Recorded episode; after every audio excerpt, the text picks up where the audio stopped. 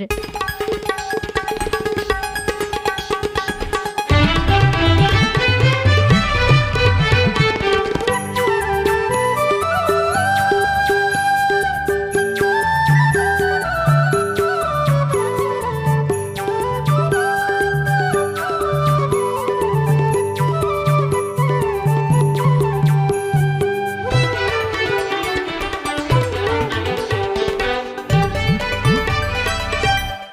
प्रभात यो सिआइएनको साझा खबर हो। सजना तिमल सिन्हासँगै राजन रुचालको तपाईँलाई स्वागत छ। सामुदायिक रेडियोबाट देशैभरि एकैसाथ प्रसारण भइरहेको साझा खबर सिआइएन खबर डट कम र मोबाइल एप सिआइएनबाट पनि सुन्न सकिन्छ। आज दुई हजार उनासी साल भदौ उन्तिस गते बुधबार सेप्टेम्बर चौध तारिक सन् दुई हजार बाइस नेपाल सम्मत एघार सय बयालिस आश्विन कृष्ण पक्षको चतुर्थी तिथि राष्ट्रिय बाल दिवस। साझा खबरमा प्रमुख खबरका शीर्षकहरू। निलम्बित प्रधान न्यायाधीश जबराको प्रारम्भिक बयान सकियो। असोज एक गते भित्रै संसदलाई प्रतिवेदन बुझाइने नागरिकता विधेयक निष्क्रिय हुने सम्भावना बढ्यो। समानुपातिक तर्फको चालिस लाख मतपत्र छापियो। चिनिया सभामुखसँगको भेटघाट नाका खुलाउन नेपाली पक्षको जोड। इन्धनमा पाँच दिनदेखि अवरोध हुँदा पनि सरकार मुक्तर्शक कोलकाता लगेर मृगौला बेच्ने गिरोह सक्रिय। नुवाकोटका एकै गाउँका पन्ध्रभन्दा धेरै पीडित डेङ्गीको प्रकोप बढ्दै प्रकोपको रूप लिन सक्ने विज्ञको चेतावनी? औद्योगिक स्तरमा भएको उत्खननले उष्ण प्रदेशीय जङ्गल फडानी बढ्दो जीवाश्म इन्धनबाट नवीकरणीय ऊर्जामा परिवर्तन गर्दा विश्वलाई फाइदा हुने अध्ययनको निष्कर्ष। अर्मेनिया र अजरबैजानमा भएको झडपमा झण्डै एक सय जनाको मृत्यु। र नवौं राष्ट्रिय खेलकुद प्रतियोगिता अन्तर्गत पुरुष क्रिकेट प्रतियोगितामा आज दुईवटा खेल हुँदै नेपालले महिला साफ च्याम्पियनसिप फुटबलको सेमिफाइनलमा भारतसँग खेल्ने।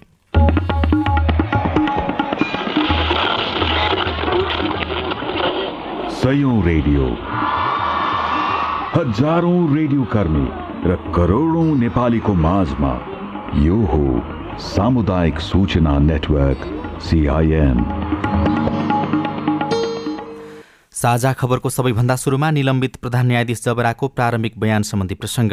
प्रतिनिधि सभाको महाअभियोग सिफारिस समितिले निलम्बित प्रधान न्यायाधीश चोलेन्द्र शमशेर जवरासँगको बयान सकेको छ। भदौ पन्ध्रमा शुरू भएको बयान भदौ सोह्र उन्नाइस छब्बिस गते र हिजो समेत गरेर पाँच दिनमा सकिएको हो।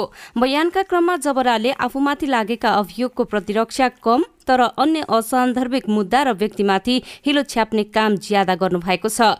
तर उहाँले समितिमा दिएको एउटै बयान महाअभियोग लगाउन पर्याप्त रहेको महाअभियोग प्रक्रियालाई नजिकबाट हेरिरहेका विज्ञहरू बताउँछन्। त्यो हो तत्कालीन प्रधानमन्त्री केपी शर्मा ओलीलाई उहाँले चाहे जस्तो इजलास गठन गरी प्रतिनिधि सभा विघटन सम्बन्धी मुद्दामा फैसला गर्न नसकेको भन्दै गरेको क्षमा याचना र सहकर्मी न्यायाधीशलाई समेत महाअभियोग लगाउन हात जोडेर गरेको आग्रह। निलम्बित प्रधान न्यायाधीश जबराले भदौ सोह्रमा समिति समक्ष जवाब दिने क्रममा तत्कालीन प्रधानमन्त्री ओलीलाई आफूले हात जोड्दै महाअभियोग प्रस्तावका लागि अनुनय गरेको जानकारी गराउनु भएको थियो। यो प्रसंग ओलीले दुई पटक गरेको प्रतिनिधि सभा विघटन र त्यसबारे सर्वोच्च अदालतले गरेका फैसलासँग सम्बन्धित रहेको छ। जबराले बयानका क्रममा विभिन्न आरोप लगाएका व्यक्तिहरूसँग पनि छलफल गरेपछि अन्तिममा फेरि जबरासँग बयान लिने समितिको तयारी छ। काङ्ग्रेस सचेतक मिन विश्वकर्माले आगामी असोज एक गते प्रतिनिधि सभाको कार्यकाल सकिनु अगावै सभामा पेश गर्ने गरी समितिले प्रतिवेदन तयार गर्न लागे लागेको जानकारी दिनुभयो। सिङ्गै संसदलाई नै निर्वाचन आयोगबाट प्राप्त भएको एउटा व्याख्यात्मक पत्र छ जो प्रेस विज्ञप्तिका नाममा त्यो पत्रलाई पनि हामीले विचार गरेका छौँ र हामी चाहिँ यो आफ्नै पनि व्यस्तताले गर्दा भदौ मसान्तभित्रमा हामीले समितिको काम सम्पन्न गर्छौँ ढिलो भयो भने एक गति पुग्न सक्छ। निलम्बित प्रधान न्यायाधीश जबराले आफूमाथि लागेको महाअभियोगको जड प्रतिनिधि सभा पुनस्थापना गर्ने दुई हजार अठहत्तर असार अठाइस गतेको फैसला भएको बताउनु भएको छ। Thank you. चार दिने नेपाल भ्रमणमा रहनुभएका चिनिया जनकङ्ग्रेसका अध्यक्ष ली चान्सुसँग नेपाली पक्षले लामो समयदेखि अवरुद्ध तातोपानी र रसुवागढी नाका belt and road initiative BI BRI लगायतका परियोजनाका विषयमा विषय उठान गरेको छ। प्रधानमन्त्री शेरबहादुर देउवा राष्ट्रिय सभाका अध्यक्ष गणेश तिमल सिन्हा नेकपा एमालेका अध्यक्ष केपी शर्मा ओली माओवादी केन्द्रका अध्यक्ष पुष्पकमल दाहाल प्रचण्ड र परराष्ट्र मन्त्री नारायण खड्कासँग मंगलबार भएका भेटवार्तामा दुई मुलुकका बीचमा सरकारबारे चर्चा गरिएको छ। भेट छुट्टा छुट्टै भए पनि नेताहरूले चिनिया पक्षसँग सामा समान धारणा राखेका थिए। संसद सचिवालय परराष्ट्र मन्त्रालय तथा एमाले र माओवादीका नेताहरूका अनुसार नेपाली पक्षले जनकङ्ग्रेस अध्यक्ष लीलाई नेपाल एक चिन नीतिमा निरन्तर प्रतिबद्ध रहेको बताएका थिए। बिआरआई अन्तर्गतका परियोजना अघि बढाउन पनि आग्रह गरिएको बताइएको छ। सन् दुई हजार सत्रमा बिआरआईको सदस्य मुलुक बनेको नेपालले त्यसबाट हालसम्म लाभ लिन सकेको छैन। नेपाली पक्षले कोभिड उन्नाइस महामारीका बेला घर गएका चिनिया कामदारलाई फर्काउन पनि आग्रह गरेको छ। नेपाली नेताहरूले चिनिया सहयोग र लगानी बढाउन पनि चिनिया पक्षलाई आग्रह गरेका छन्। चिनिया राष्ट्रपति सी चिनफिङका विश्वासपात्र लीले नेपालले दिँदै लिँदै आएको एक चिन नीतिप्रति प्रशंसा गर्दै अन्य मुलुकले नेपालमा गर्ने गतिविधिलाई लिएर सुरक्षा संवेदनशीलताको विषय उठाउनु भएको छ। उहाँले नेपालले आफ्नो प्राथमिकता आफै तय गर्नुपर्ने धारणा राख्नु भएको छ बिआरआईको कार्यान्वयन सम्झौता गरेर कार्यान्वयनमा लान लिले नेपाललाई आग्रह गर्नुभएको छ। लिले आज राष्ट्रपति विद्यादेवी भण्डारीसँग शिष्टाचार भेटवार्ता गर्ने कार्यक्रम छ। त्यस्तै उहाँ बसन्तपुर र भक्तपुर दरबार स्क्वायर घुम्ने कार्यक्रम रहेको छ भने भोलि बिहान फर्कनुहुनेछ। राष्ट्रपति विद्यादेवी भण्डारीले पाँचवटा विधेयक प्रमाणीकरण गर्नुभएको छ। संघीय संसदको दुवै सदनको बैठकबाट पारित भई प्रमाणीकरणको लागि पेश भएका पाँच विधेयकहरू नेपालको संविधानको धारा एक सय तेह्रको उपधारा दुई बमोजिम राष्ट्रपतिले प्रमाणीकरण गर्नुभएको हो। तथ्याङ्क सम्बन्धी कानूनलाई संशोधन र एकीकरण गर्न बनेको विधेयक स्ट्याण्डर्ड नाप र तौल ऐन दुई हजार पच्चिसलाई संशोधन गर्न बनेको विधेयक प्रत्यायन सम्बन्धमा व्यवस्था गर्न बनेको विधेयक प्रमाणीकरण भएको छ। यस्तै सार्वजनिक सार्वजनिक पद धारण गर्ने व्यक्तिको शपथ सम्बन्धमा व्यवस्था गर्न बनेको विधेयक योगमाया आयुर्वेद विश्वविद्यालयको सम्बन्धमा व्यवस्था गर्न बनेको विधेयक पनि प्रमाणीकरण भएको छ। तर राष्ट्रपतिले नागरिकता विधेयक भने प्रमाणीकरण गर्नुभएको छैन। संसदको कार्य अवधि नै धेरै दिन बाँकी नरहेको अवस्थामा राष्ट्रपतिले विधेयक प्रमाणीकरण नगरे के हुन्छ? सीआईएनसँग कुराकानी गर्दै संविधानविद डाक्टर भीमार्जुन आचार्यले भन्नुभयो।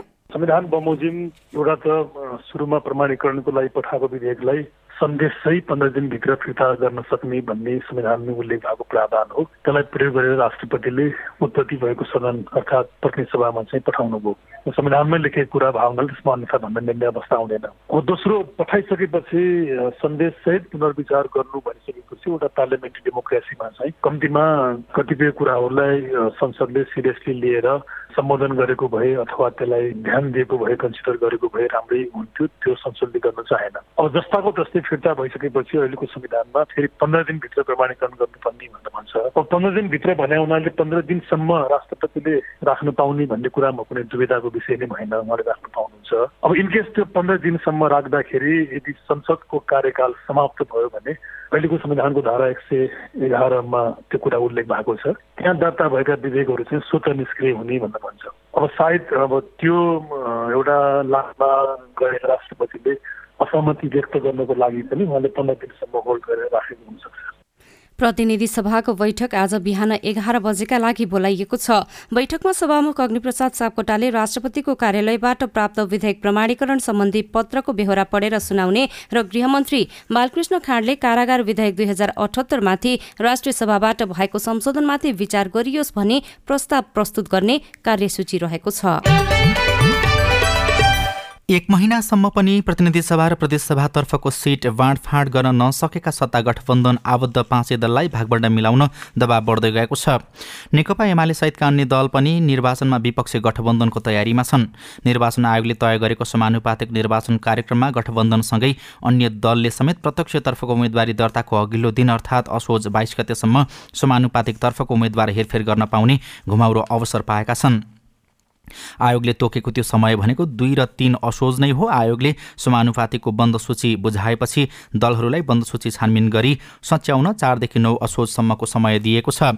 यसै गरी बन्द सूची संशोधनका लागि आयोगले दलहरूलाई दसदेखि सोह्र असोजसम्मको समय निर्धारण गरिदिएको छ।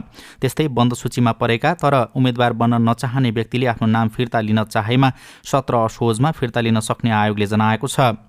सोबारे आयोगले दलहरूलाई सोही दिन नै जानकारी दिने कार्यक्रम छ। यसरी रिक्त हुन आउने स्थानमा दलहरूले सोही समूहको अर्को उम्मेद्वारलाई मनोनयन गर्न सक्नेछन्। यसका लागि बिसदेखि बाइससम्मको समय आयोगले दिएको छ। दलहरूले समानुपातिकमा उम्मेद्वार फेर्ने यो समय भरमकदुर प्रयोग गर्ने अवस्था बन्दै गएको छ। प्रतिनिधि सभाको कार्यकाल असोज एकसम्म मात्रै कायम हुने गरी निर्वाचन आयोगले संघीय संसद सचिवालयलाई पठाएको पत्रमा दलहरूले आपत्ति जनाएका छन्। क्षेत्राधिकार मिचेर आयोगले पत्राचार गरेको भन्दै दलका नेताहरूले आपत्ति जनाएका हुन्। आयोगको पत्राचार अनुसार प्रतिनिधि सभा र प्रदेशसभाको कार्यकाल समानुपातिक उम्मेद्वारको बन्दसूची पेश हुने अघिल्लो दिनसम्म कायम रहनेछ। आयोगले आयोगको पत्रले अन्यल बढाएको भन्दै दलका सांसदले असन्तुष्टि पोखेका छन्। आयोगले बीस भदौमा समानुपातिक उम्मेद्वारको बन्दसूची दाखिला गर्ने अघिल्लो दिनसम्म कार्यकाल कायम हुने निर्णय गरेर संसद सचिवालयलाई पत्र पठाएको थियो। सरकारले केही नेपाल ऐन संशोधन मार्फत निर्वाचनपछि कार्यकाल कायम गर्ने गरी प्रतिनिधि सभा सदस्य निर्वाचन ऐन दुई हजार चौहत्तर संशोधन गर्ने प्रयास गरेका बेला आयोगले निर्णय नै गरेर पत्र पठाएको थियो। आयोगले दुई तीन असोजमा समानुपातिक उम्मेद्वारको बन्दसूची पेश गर्ने दिन तोकेको छ। यसैबीच निर्वाचन आयोगले आउँदो मङ्सिर चार गते हुने प्रतिनिधि सभा र प्रदेशसभा निर्वाचनका लागि समानुपातिकतर्फ तीस लाख थान मतपत्र छापिसकेको जनाएको छ। जनक शिक्षा सामग्री केन्द्र लिमिटेडबाट एक साता अघिदेखि नै समानुपातिक निर्वाचनको मतपत्र छाप्ने प्रक्रिया सुरु भएको आयोगका प्रवक्ता शालिग्राम शर्मा पौडेलले सिआइएनलाई जानकारी दिनुभयो। हाम्रो बिस गतेदेखि नैको कार्यतालिका हो। अब त्यसमा केही मेसिन एक दिन मेसिन टेस्टिङहरू लगायतको र अनि त्यो मतपत्रमा चिन्हका सम्बन्धमा पनि सम्मानित सर्वोच्च अदालतबाट फैसला हुन बाँकी थियो। त्यो कुराहरू टुङ्गिएर हामीले करिब एक्काइस लाख नमुना मतपत्र र करिब तिस लाख चाहिँ मतपत्रको छपाई कार्य सम्पन्न भइसकेको छ। तिस लाखमा समानुपातिकै हो। अहिले छपाई सुरु भएकै समानुपातिकै हो। र अहिले प्रदेश एक र गण्डकी प्रदेशको सुरु भएको छ आयोगले यही भदौ पन्ध्र गतेदेखि आगामी असोज एक गतेसम्म उम्मेद्वारको नामको बन्द सूची तयार गर्न राजनैतिक दललाई समय तोकेको छ।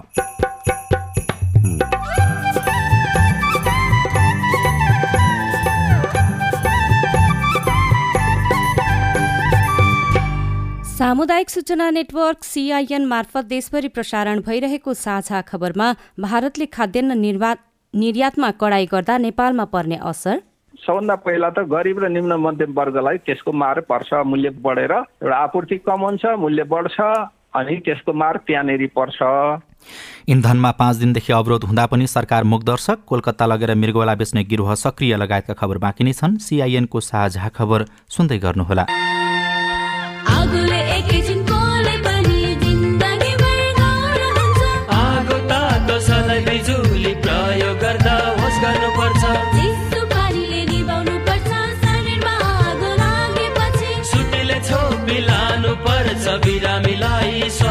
चौकी नानी हो हुन्न भान्सामा खेल्नु तातो र बल्ने सामान हुन्छ। होस गरी चलाऊ स्टोभ र ग्यास भुइँमा पकाए दुर्घटना बढ्छ।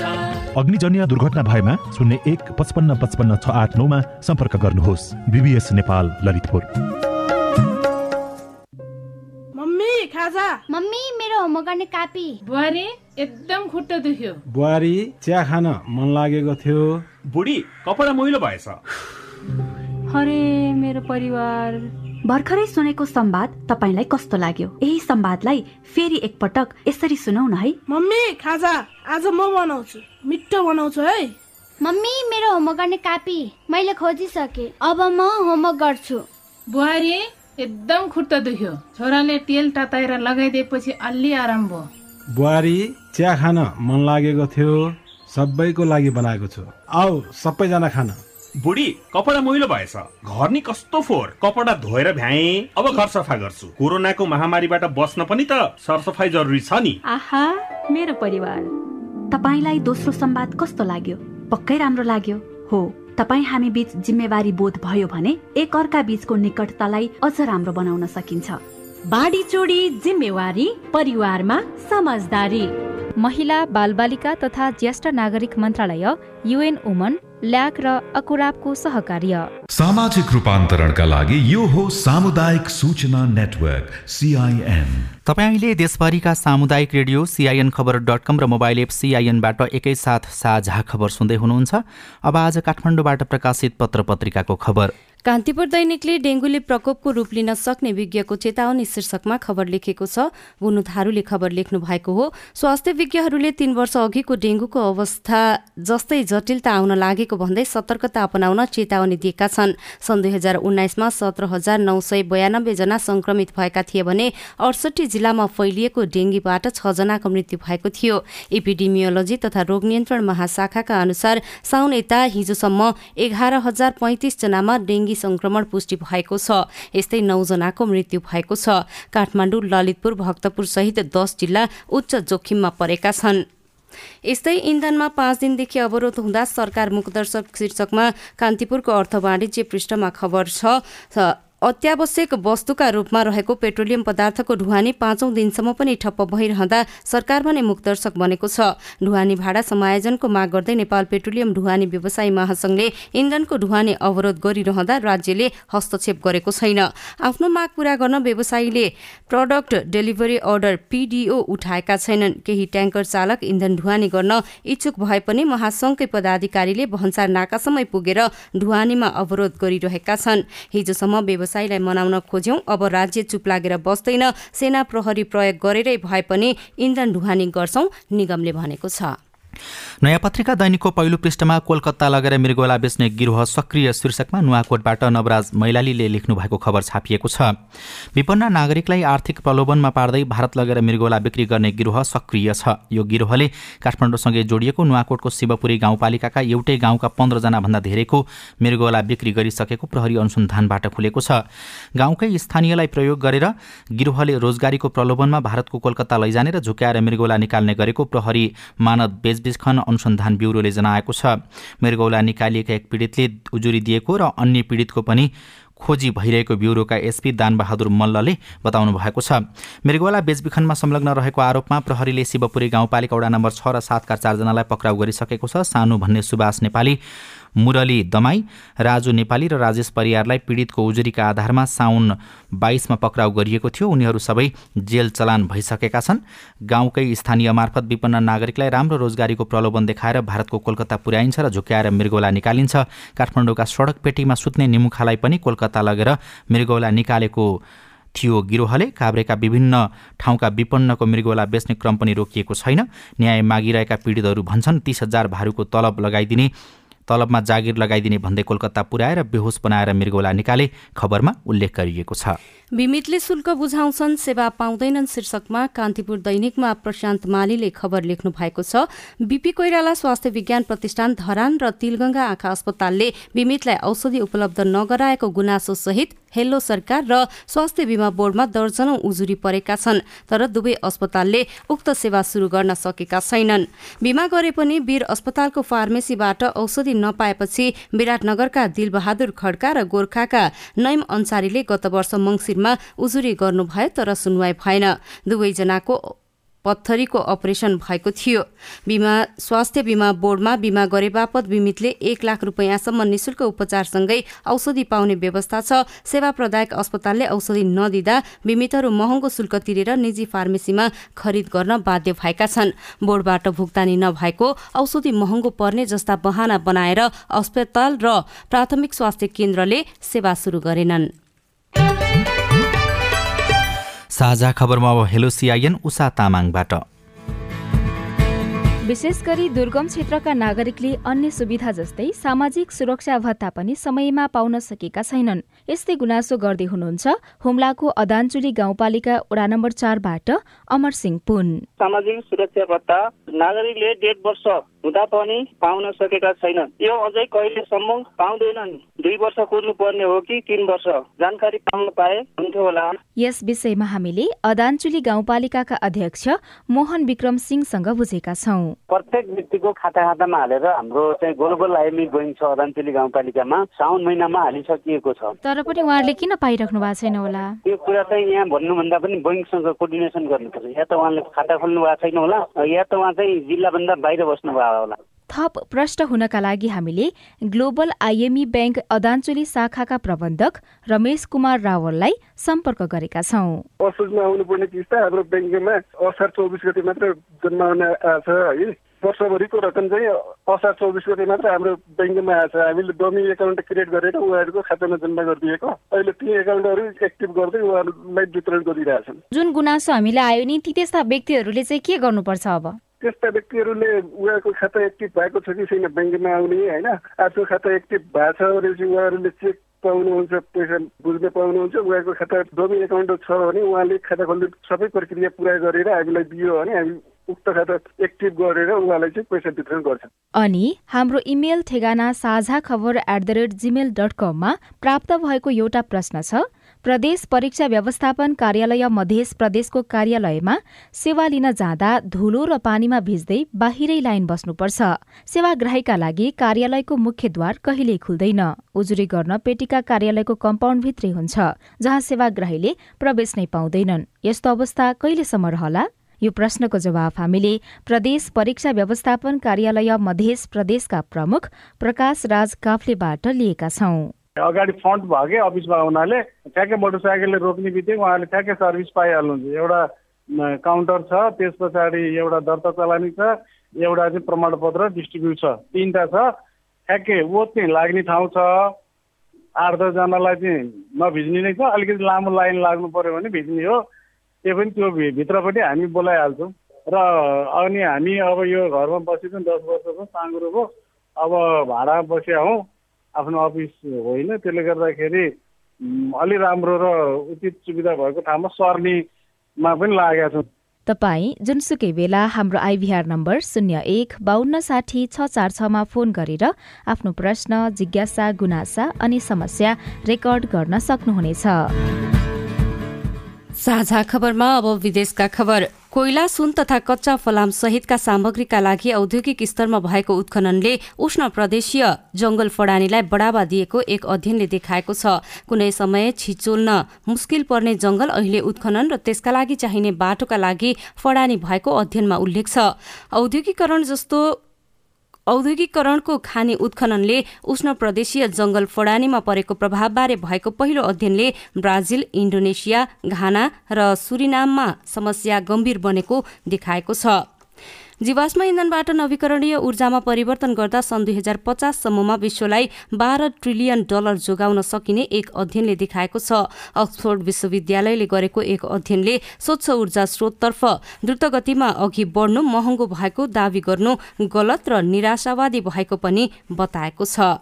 र अर्मेनिया र अजरबैजानमा भएको झडपमा परि झण्डै एक सय जना सैनिकको मृत्यु भएको छ। सोमबार रातिदेखि भएको झडपमा परेर अहिलेसम्म अजरबैजानका पचासजना र अर्मेनियाका उनाचासजना सैनिकको मृत्यु भएको दुई देशका उच्च अधिकारीलाई उद्धृत गर्दै बीबीसीले खबर लेखेको छ। साझा खबरमा अब खेल खबर नवौँ राष्ट्रिय खेलकुद अन्तर्गतको पुरुष क्रिकेट प्रतियोगितामा आज दुईवटा खेल हुँदैछन्। आज किर्ति पुरुष त्रिवे क्रिकेट मैदानमा कर्णाली प्रदेश र गण्डकी प्रदेश बीचको खेल बिहान सभा नौ बजे सुरु हुनेछ। यस्तै नेपाल पुलिस क्लब र त्रिभुवन आर्मी क्लब बीचको खेल दिउँसो सभा एक बजे त्रिवी क्रिकेट मैदानमै हुनेछ। नेपालले महिला साफ च्याम्पियनसिप फुटबलको इतिहासमा भारतसँग खेल्ने भएको छ। सेमिफाइनलमा यो खेल हुनेछ। हिजो भएको समूह चरणको अन्तिम खेलमा भारत बङ्गलादेशसँग पराजित भएसँगै सेमिफाइनलमा नेपालसँग खेल्ने पक्कापक्की भएको हो। श्रीलङ्काको कोलम्बोमा जारी सत्र वर्ष मुनिको पुरुष साफ च्याम्पियनसिपमा नेपाल र भारत उपाधिका लागि भिड्दैछन्। यो खेल आज हुने बताइएको छ।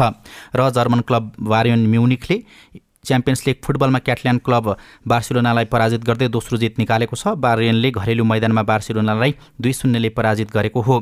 त्यस्तै अरू खेलहरूमा लिभरपुलले अजाक्सलाई दुई एकले हराउँदा टोटेनह्याम स्पोर्टिङसँग दुई शून्यले पराजित भएको छ भने लबर कुसेनले एथलेटिको म्याड्रिडलाई दुई शून्यले हराएको छ। भारतले खाद्यान्न निर्यातमा कडाई गर्नुको कारण र चाडबाडको बेला नेपाली बजारमा बढ्न सक्ने महँगी रेडियो कुराकानी सस्तो जीवनशैली सम्बन्धित सन्देश अरू खबर र कार्टुन पनि बाँकी नै छ। सिआइएनको साझा खबर सुन्दै गर्नुहोला। एक वर्षमा चौबिस महिना सुनेको छ छैन। नसुने सुने हालौ नबुझे बुझी हालौ। होमको अफर रिचार्ज अब एक वर्षको रिचार्ज गरेर दुई वर्षसम्म डिसोम हेर्न पाइन्छ भने भएन त एक वर्षमा चौबिस महिना। अनि रिचार्ज चाहिँ कसरी गर्ने नि? डाइरेक्ट डिलर दाइकोमा गएर फन्ड ट्रान्सफर मार्फत रिचार्ज गरे भइहाल्यो नि। अझ प्रत्येक साता सो साताभरिमा एक वर्षको लागि रिचार्ज गर्नेहरू मध्येबाट एकजनालाई विकली लकी ड्र मार्फत नगद रु एक लाख पुरस्कार पनि दिइन्छ। डिस होमको तर्फबाट दसैँ तिहार तथा छठ पर्वको शुभकामना। साथै यो सेवा आइएमई पे ई सेवा र खल्तीबाट पनि अनलाइन रिचार्ज गर्न सकिन्छ। खुसीको कनेक्सन नेपाल टेलिकमको सूचनाको संसार। होइन के सुनेको यस्तो ध्यान दिएर दोहोरो बोलेको जस्तो नि देख्दिन। तिन दुई एक शून्य शून्य क्या? तिन दुई एक शून्य शून्य? के हो त्यो भने? बुझिन त। ल सुन एनटिसी प्रयोगकर्ताहरूले आफ्नो मोबाइल तथा ल्यान्डलाइनमा तिन दुई एक शून्य शून्य डायल गरी समाचार रेडियो कार्यक्रम खेल र अन्य विषयबारे सन्देशहरू जुनसुकै बेला निशुल्क सुन्न सक्छन्। ओहो निशुल्क? कस्तो सजिलो। समाचार सुन्न छुट्यो भनेर पिर लागेको थियो। अब त म पनि सुनिहाल्छु। कति रे? तिन दुई एक शून्य शून्य। सामाजिक रूपान्तरणका लागि यो हो सामुदायिक सूचना नेटवर्क सिआइएन साझा खबरमा अब खाद्यान्न निर्यातमा भारतको कडाई सम्बन्धी प्रसङ्ग। पछिल्लो एक दशकको अवधिमा देशमा खाद्यान्न आयात आठ गुणाले बढेको छ। देशको कुल आयात व्यापारमा कृषिजन्य उपजले पाँचौं स्थान ओगटेको छ। गत वर्ष नेपालले साढे तीन खर्बको खाद्यवस्तु आयात गरेकोमा करिब साठी प्रतिशत वस्तु भारतबाट आयात गरेको छ। तर पछिल्लो समय भारतले कृषिजन्य उपज निर्यातमा कडाई गरिरहेको छ जसका कारण चाडबाडका बेला नेपालीको भान्सा महँगिने अवस्था देखिएको छ। वीरगञ्ज पर्सामा रहेको ओम्नी एग्रो प्राइभेट कम्पनी जसले दुई दशक अघिदेखि नेपालमा खाद्यान्न उत्पादन प्रशोधन र बिक्री वितरण गरिरहेको छ। वार्षिक नब्बे करोडको चामल बिक्री गर्ने उद्योगले सत्तरी प्रतिशत धान भारतबाट आयात गर्छ। प्याडीहरू तपाईँको खाद्यान्नमा जेनरली इन्डियाबाटै आउँछ सेभेन्टी पर्सेन्ट प्याडीहरू चामलको लागि। एक्काइस हजारदेखि पच्चिस हजार मेट्रिक टन भनौँ न मोटामोटी त्यही सत्तरी करोडको टेन्टेटिभ आउँछ नेपालको हुलास ब्रान्ड जसले विभिन्न सरसामानदेखि खाद्य वस्तु उत्पादन गर्छ। वार्षिक एक अर्बको खाद्यान्नको कारोबार गर्ने यस कम्पनीले दुई करोड बढीको चामल भने भारतबाट आयात गर्छ। तर भारतले चामल निर्यातमा कडाई गरेसँगै व्यापारमा नकारात्मक प्रभाव पर्ने चिन्ता बढेको छ। उत्पादन विभाग प्रमुख मोतीलाल टाटर। भारतबाट चामल चामल। कमसे कम यो आउँछ दुई तिन करोडको आउँछ। अरू मसिनरी अरू स्पेयर पार्ट्सहरू त्यो आउँछ। नेपालमा पनि महँगाई अलिक बढ्छ। भन्सार विभागको तथ्याङ्क अनुसार भारतबाट गत आर्थिक वर्षमा नेपालले करिब दुई खर्बको खाद्य वस्तु आयात गरेको छ। जसमा सबैभन्दा बढी झण्डै एक खर्बको तेलको कच्चा पदार्थ आयात गरेको छ। तरकारी तथा दलहन सत्ताइस अर्बको आयात गरेको छ भने पशुपन्छीको आहाराको लागि बीस अर्बको खाद्यान्न आयात गरेको छ। दुग्धजन्य पदार्थ तथा पशुजन्य खाद्य पदार्थहरू करिब दुई अर्बको आयात हुँदा पिठो मैदा सुजी च्याख्ला एक अर्बको आयात भएको छ।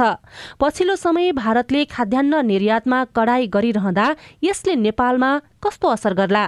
अर्थविज्ञ डाक्टर चन्द्र मणि अधिकारी भन्नुहुन्छ। कुनै बेला प्याजको निकासी रोक्छ कहिले चामलको निकासी रोक्छ कहिले चिनीको निकासी रोक्छ कहिले पिठोको निकासी रोक्छ अनि हामी हाहाकार हुन्छ हामीलाई किन भन्दा हाम्रो भारतसितको सेटेलाइट इकोनोमी बनायौँ हामीले। त्यस कारण यस्तो भएको हो। अब यसले चाहिँ जनजीवनमा के प्रभाव पार्छ भन्दा सबभन्दा पहिला त गरिब र निम्न मध्यम वर्गलाई त्यसको मार पर्छ मूल्य बढेर। एउटा आपूर्ति कम हुन्छ मूल्य बढ्छ। अनि त्यसको मार त्यहाँनिर पर्छ। खुला सिमाना भारतीय बन्दरगाह मार्फत हुने नेपालको तेस्रो मुलुकसँगको व्यापार नेपालमा भारतीय लगानी लगायत पक्षले नेपाल र भारतको वैदेशिक व्यापार बढ्दो छ तर भारतसँगको व्यापार घाटा पनि बढ्दो रहेको छ। समस्याको दीर्घकालीन समाधानका लागि नेपाल खाद्यान्नमा आत्मनिर्भर हुनुपर्ने कृषि विज्ञहरू बताउँछन् जसका लागि सरकारको तयारी के छ? कृषि सचिव डाक्टर दीपक कुमार खरेल। धेरै ठुलो परिमाण आयोग भएका चाहिँ कृषि उपजहरू छन्। तिनलाई प्रतिस्थापन गरेर निर्यात प्रवर्धन गर्ने किसिमले गर्नलाई नेपाल सरकारले यो आर्थिक वर्षको लागि चाहिँ आत्मनिर्भरताको लागि कृषि कार्यक्रम भनेर दस अरब रुपियाँ विनियोजन गरेको छ। विनियोजन गरेको रकमलाई हामीले चाहिँ विशेष गरेर आयात बढी भएका चाहिँ कृषि उपजहरूमा केन्द्रित गरेर कार्यक्रमहरू बनाएर त्यसको उत्पादन वृद्धि गर्ने क्रियाकलापहरू पहिचान गरेर हामी अगाडि बढ्दैछौँ। भारतको कुल वस्तु निकासी गन्तव्यका आधारमा नेपाल नेपाल दशौं स्थानमा छ। भारतले कुल आयातको शून्य दशमलव एक पाँच प्रतिशत मात्र नेपालबाट आयात गर्दा नेपालको कुल आयातको साठी प्रतिशत भन्दा बढी भारतबाट आयात हुने गरेको छ। सुशीला श्रेष्ठ सिआइएन काठमाडौँ। रिपोर्टसँगै हामी साझा खबरको अन्त्यमा आइपुगेका छौँ। सामुदायिक रेडियो प्रसारक सङ्घद्वारा सञ्चालित सिआइएनको बिहान छ बजेको साझा खबर सक्नुअघि मुख्य मुख्य खबर फेरि एकपटक। निलम्बित प्रधान न्यायाधीश जबराको प्रारम्भिक बयान सकियो। असोज एक गतेभित्रै संसदलाई प्रतिवेदन बुझाइने नागरिकता विधेयक निष्क्रिय हुने सम्भावना बढ्यो। समानुपातिक तर्फको चालिस लाख मतपत्र छापियो। चिनिया सभामुखसँगको भेटघाट नाका खुलाउन नेपाली पक्षको जोड। इन्धनमा पाँच दिनदेखि अवरोध हुँदा पनि सरकार मुखदर्शक। कोलकाता लगेर मृगौला बेच्ने गिरोह सक्रिय। नुवाकोटका एकै गाउँका पन्ध्र भन्दा धेरै पीड़ित। डेङ्गीले प्रकोपको रूप लिन सक्ने विज्ञको चेतावनी। औद्योगिक स्तरमा भएको उत्खननले उष्ण प्रदेशीय जङ्गल प्रणाली बढ्दो जीवाश्म इन्धनबाट नवीकरणीय ऊर्जामा परिवर्तन गर्दा विश्वलाई फाइदा हुने अध्ययनको निष्कर्ष। र नवौं राष्ट्रिय खेलकुद अन्तर्गतको पुरुष क्रिकेट प्रतियोगितामा आज दुई खेल हुँदै नेपालले महिला साफ च्याम्पियनसिप फुटबलको सेमिफाइनलमा भारतसँग खेल्ने। साझा खबरको अन्त्यमा कार्टुन लिएका छौँ। नयाँ पत्रिका दैनिकबाट रवि मिश्रले बनाउनु भएको कर्नर किक शीर्षकको कार्टुन रहेको छ। यहाँ एकजना नेता जस्ता देख्ने व्यक्ति छन् मन्त्री जस्ता पनि देखिन्छन्। उनी केही भाषण गरिरहेका छन्। पछिल्लो समय डेङ्गीको प्रकोप बढिरहेको छ तर सरकारलाई नियन्त्रणमा कुनै पनि चासो देखिएको छैन। पछिल्लो पटक अस्पतालहरू भरिभराउ भएका छन् तर सरकारले चासो नदिएको भन्दै आलोचना पनि भइरहेको छ। त्यही कुरालाई व्यङ्ग्य गर्न खोजिएको छ र माथि चाहिँ यस्तो लेखिएको छ। डेङ्गुबारे के भन्नुहुन्छ अरे? ए बाबा सकिन्छ भने मिलेर चुनाव लडौँ सिट बाँडफाँडमा राम्रै व्यवस्था गरौँला भनेर भन्न चाहन्छु। हवस् त प्राविधिक साथी सुभाष पन्तलाई धन्यवाद। अहिलेलाई राजन रुचाल र सजना तिमल सिन्हा विदा भयौँ। तपाईँको आजको दिन शुभ होस्। नमस्कार। यसपछि देशभरिका सामुदायिक रेडियोबाट कार्यक्रम साझा पहल प्रसारण हुनेछ। सुन्ने प्रयास गर्नुहोला।